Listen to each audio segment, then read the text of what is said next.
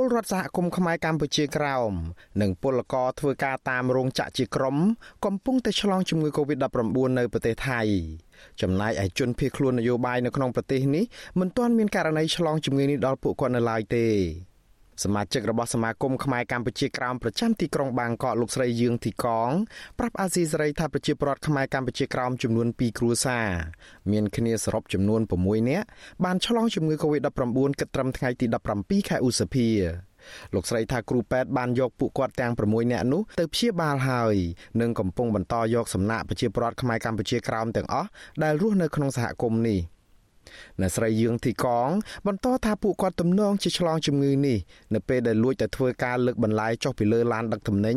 ដែលដឹកឆ្លងខេត្តផ្សេងយកមកលក់នៅក្នុងផ្សារមួយកន្លែងនៅក្បែរសហគមន៍ដែលពួកគាត់រស់នៅនោះ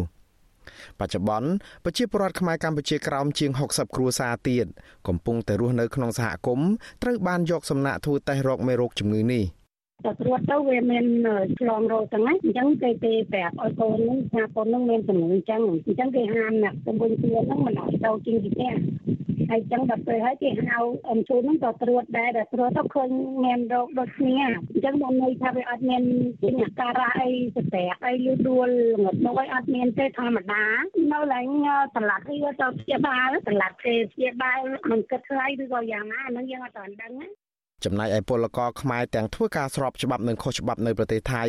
ពួកគាត់ក៏ឆ្លងជំងឺ Covid-19 នេះជាច្រើនករណីដែរ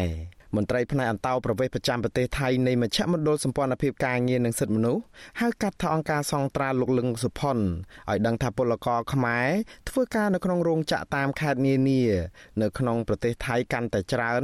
ឆ្លងជំងឺនេះនឹងមិនទទួលបានការយកចិត្តទុកដាក់ពីគ្រូពេទ្យទេព្រោះអ្នកជំងឺ Covid-19 នៅប្រទេសថៃកើនឡើងច្រើនពេក លោកបន្តថាពលករដែលឆ្លងជំងឺនេះស្រាលស្រាលខាងគ្រូពេទ្យថៃមិនអនុញ្ញាតឲ្យទៅព្យាបាលនៅមន្ទីរពេទ្យនោះទេដោយតម្រូវឲ្យស្នាក់នៅក្នុងបន្ទប់ជួលដដែលចំណែកឯមន្ត្រីស្ថានទូតនិងស្ថានកុងស៊ុលខ្មែរនៅក្នុងប្រទេសថៃក៏មិនទាន់តាក់ទងមកសួរសុខទុក្ខឬផ្ដល់ជំនួយឧបត្ថម្ភឲ្យពលករដែលឆ្លងជំងឺ Covid-19 ទាំងនេះនៅឡើយដែរលោកលឹងសុផុនជំរុញឲ្យមន្ត្រីទូតអន្តរាគមស្នើទៅភាគីថៃដើម្បីឲ្យមានការយកចិត្តទុកដាក់ចំពោះពលករខ្មែរដែលឆ្លងជំងឺនេះ ក្រសួងពាក់ព័ន្ធហ្នឹងជួយពួកគាត់ផងហើយជួយធ្វើម៉េចឲ្យពួកគាត់មានថ្នាក់នៅព្យាបាលដោយសមរម្យណារាល់ថ្ងៃនេះគាត់ទៅមន្ទីរពេទ្យហើយមន្ទីរពេទ្យខ្លះគេអត់ទទួលពួកគាត់ទេមិនដឹងជាម៉េចឬក៏មន្ទីរពេទ្យវាចង្អៀតឬក៏មិនដឹងដែលពួកគាត់ទៅរកធ្វើតេស្តកូវីដហើយគេអត់ទទួលទេណា អាស៊ីសេរីមិនអាចសុំការបញ្ជាក់អំពីស្ថានភាពពលករខ្មែររស់នៅប្រទេសថៃពីឯកអគ្គរដ្ឋទូតនិងមន្ត្រីស្ថានទូតខ្មែរប្រចាំទីក្រុងបាងកកបានទេនៅថ្ងៃទី17ខែឧសភាបើទោះជាយ៉ាងនេះក្តីស្ថានទូតកម្ពុជាប្រចាំនៅទីក្រុងបាងកកបានបង្ហោះសារអំពាវនាវឲ្យប្រជាពលរដ្ឋខ្មែរដែលកំពុងស្នាក់នៅប្រទេសថៃទាំងអស់ចូលរួមអនុវត្តតាមវិធានការណែនាំនិងបទបញ្ញត្តិដែលអាជ្ញាធរថៃបានដាក់ដើម្បីបង្ការការឆ្លងជំងឺ Covid-19 នេះ។ រីឯក្រុមជនភៀសខ្លួនផ្នែកនយោបាយនៃគណៈបកសង្គ្រោះជាតិដែលកំពុងតែស្នាក់នៅក្នុងប្រទេសថៃវិញពួកគាត់មិនទាន់កើតមានករណីឆ្លងជំងឺ Covid-19 នេះទេប្រធានគណៈកម្មការរដ្ឋបាលគណៈបកសង្គ្រោះជាតិនៅទីក្រុងបាងកកលោកឃ្លាំងបន្លាយប្រាប់ថាជនភៀសខ្លួនខ្លះត្រូវបានយកសំណាក់ទៅពិនិត្យទៅហើយនិងកំពុងតែរងចាំមើលលទ្ធផលបើទោះជាយ៉ាងនេះក្តីលោកឃ្លាំងបន្លាយអះអាងថាជនភៀសខ្លួននយោបាយក៏កំពុងប្រឈមនឹងការឆ្លងនេះដែរព្រោះពួកគាត់រស់នៅក្បែរអ្នកឆ្លងជំងឺ Covid-19 រាល់ថ្ងៃគឺមានការប្រឈមខ្លាំងពាក់ព័ន្ធទី1ដោយសារបញ្ហាកូវីដនៅប្រទេសថៃកើនឡើងអញ្ចឹងធ្វើឲ្យយើងមិនហ៊ានដើរឬក៏មិនហ៊ានចុះឡើងអីរហេតរហូតអញ្ចឹងបងយើងត្រូវការសង្ងំនៅទៅមកកន្លែងព្រោះដោយសារមេរោគហ្នឹងកើតឡើងច្រើននៅក្នុងស្រុកថៃ ប្រទេសថៃកំពុងផ្ទុះការឆ្លងរីករាលដាលនៃជំងឺ Covid-19 ខ្លាំងដែលមិនធ្លាប់មានដោយក្នុងមួយថ្ងៃទី17ខែឧសភា មានអ្នកឆ្លងថ្មីរហូតដល់ជិត10000នាក់នៅក្នុងនោះជិត70%ឬក៏ជិត7000នាក់គឺឆ្លងនៅក្នុងពន្ធនាគារអ្នកជំងឺចំនួន25នាក់បានស្លាប់នៅក្នុងថ្ងៃដដែលនេះ អំឡុងដើមខែមករានាយកដ្ឋានប្រយុទ្ធប្រឆាំងជំងឺឆ្លង CDC របស់ថៃរាយការណ៍ថាមានពលរដ្ឋខ្មែរចំនួន157នាក់ផ្ទុកជំងឺ Covid-19 ក៏ប៉ុន្តែចាប់ពីពេលនោះមកនាយកដ្ឋាននេះលែងផ្សាយតួលេខពលរដ្ឋខ្មែរនិងជនបរទេសឯទៀតដែលឆ្លងជំងឺនេះចំណែកឯក្រសួងសុខាភិបាលកម្ពុជាក្រសួងនេះបានរាយការណ៍ជាប្រចាំអំពីតួលេខពលករខ្មែរដែលត្រឡប់មកពីប្រទេសថៃវិញនិងមានផ្ទុកជំងឺនេះ ដោយគិតត្រឹមដើមខែឧសភា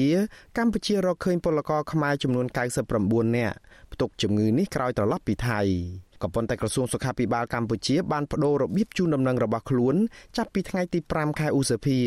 ដោយលែងបង្ហាញតួលេខលម្អិតអំពីចំនួនពលករខ្មែរនេះតទៅទៀតក្រសួងគ្រាន់តែសរសេរថាករណីនាំចូលពីក្រៅប្រទេសតែប៉ុណ្ណោះ ចាប់តាំងពីថ្ងៃទី5ខែឧសភានោះកម្ពុជាមានករណីអ្នកជំងឺ Covid-19 នាំចូលពីក្រៅប្រទេសចំនួន79នាក់ដោយជាមធ្យមមាននាំចូលថ្មី6ករណីនៅក្នុងមួយថ្ងៃ